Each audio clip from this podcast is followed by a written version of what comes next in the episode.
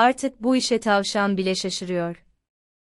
Yazan, Ömer Gencal Çocukları en etkileyen şeylerden biridir sihir. Kaybolan mendiller, testere ile ikiye bölünüp sonra yeniden birleşen bedenler, kağıtların parça parça haline getirilip bir güvercine dönüşmesi ve hatta deyimlerde yerini bulan tavşanın şapkadan çıkması bu sihirin görsel şölenidir. Ama sadece bir illüzyondur.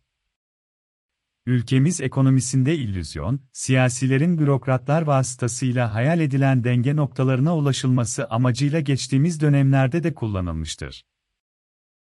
1993 yılında faizlerin düşürülmesi adına hazine bonosu ihalelerinin iptali, 1999 yılında kur hedeflemesi ile enflasyonun düşürülmesi gibi sihirler denenmiş ama arka planındaki ekonomik gerçekler ve dinamikler bu illüzyonun ne kadar pahalı sonuçlar doğurabileceğini göstermiştir.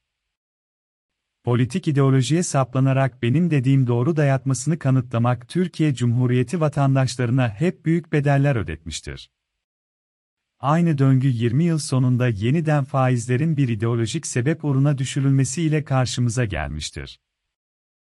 Kısa vadeli faizlerin uzun vadeli faizleri belirleyemeyeceği gerçeğini anlamayan ve içselleştiremeyen politikacılar bunun gerçekleştirilebilmesi için de sihir yöntemlerine başvurmayı bir adet olarak görmektedir.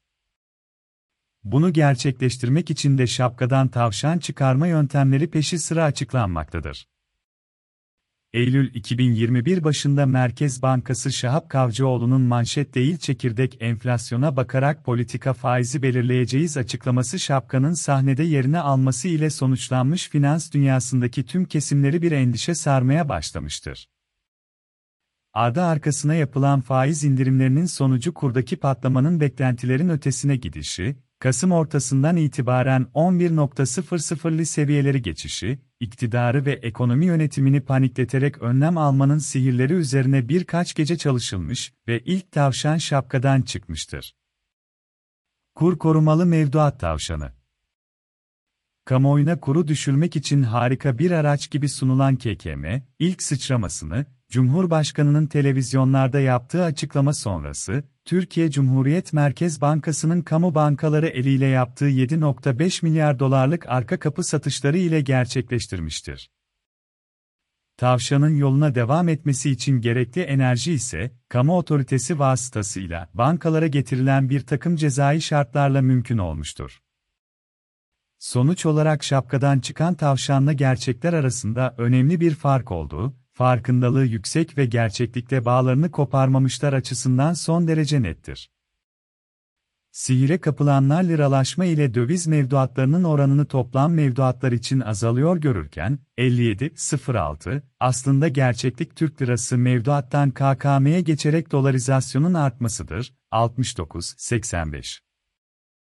Enflasyonun düşürülme söyleminin yeni ekonomik modele bağlanarak cari açığın düşürülmesi. TL'de buna bağlı istikrar sağlanması ve bu istikrar sonucunda da fiyatların istikrara kavuşacağı hikayesinin jeopolitik riskler ve tedarik zincirlerinde ortaya çıkan sıkıntılar dolayısıyla gerçekleştirilemeyene anlaşılması şapkanın ve tavşanın yeniden kullanımını gerekli kılmıştır. 1990'lı yıllarda uygulanan ihracatçı dövizlerinin %25'nin Merkez Bankası'na devri kararı bile kısa sürede yetmeyeceği anlaşılınca tavşan şapkaya bir defa daha sokulup hızlıca %40 kostümü giydirilerek sahnedekilere sunulmuştur.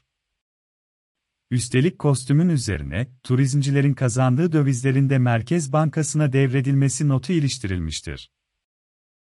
Vara politikasının iyice önemsizleştirildiğini, enflasyonun sınır tanınmadığını gören finansal kesim kullandığı kaldıraçlarla bir yandan yüksek faizli tüfeğe endeksli kağıtları portföyüne katıp bunları Merkez Bankası'na fonlatırken diğer yandan da son 3 yıldır görülmemiş bir hızda kredi artış oranlarına imza atınca yeni bir tavşanın şapkadan çıkışı kaçınılmaz olmuştur tarihte bir ilk yaşanmış ve anayasanın 35. maddesindeki mülkiyet hakları göz ardı edilerek banka aktiflerinde bulunan ticari kredilere karşılık ayrılması ile ilgili bir kararname yayınlanmıştır.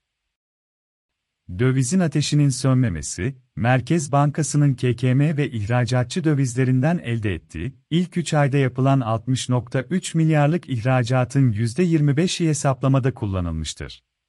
Rezerv birikiminin Ocak 2022 ile Mart 2022 arasında 31.8 milyar Amerika Birleşik Devletleri doları olması beklenirken arka kapıdan yapılan satışlarla bu rakamın sadece 7.8 milyar Amerika Birleşik Devletleri dolar artışı. Yani 128 milyar Amerika Birleşik Devletleri dolarının sırra kadem basması gibi 24 milyar Amerika Birleşik Devletleri dolarının da aynı kaderi paylaşması, yeni tavşanlara ihtiyaç duyulduğunu göstermiştir.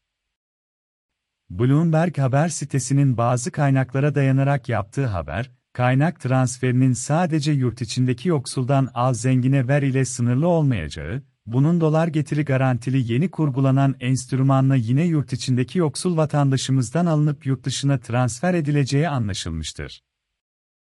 Alice Harikalar Diyarında Alice Harikalar Diyarında kitabı, bildiğimizin aksine bir çocuk kitabı değildir.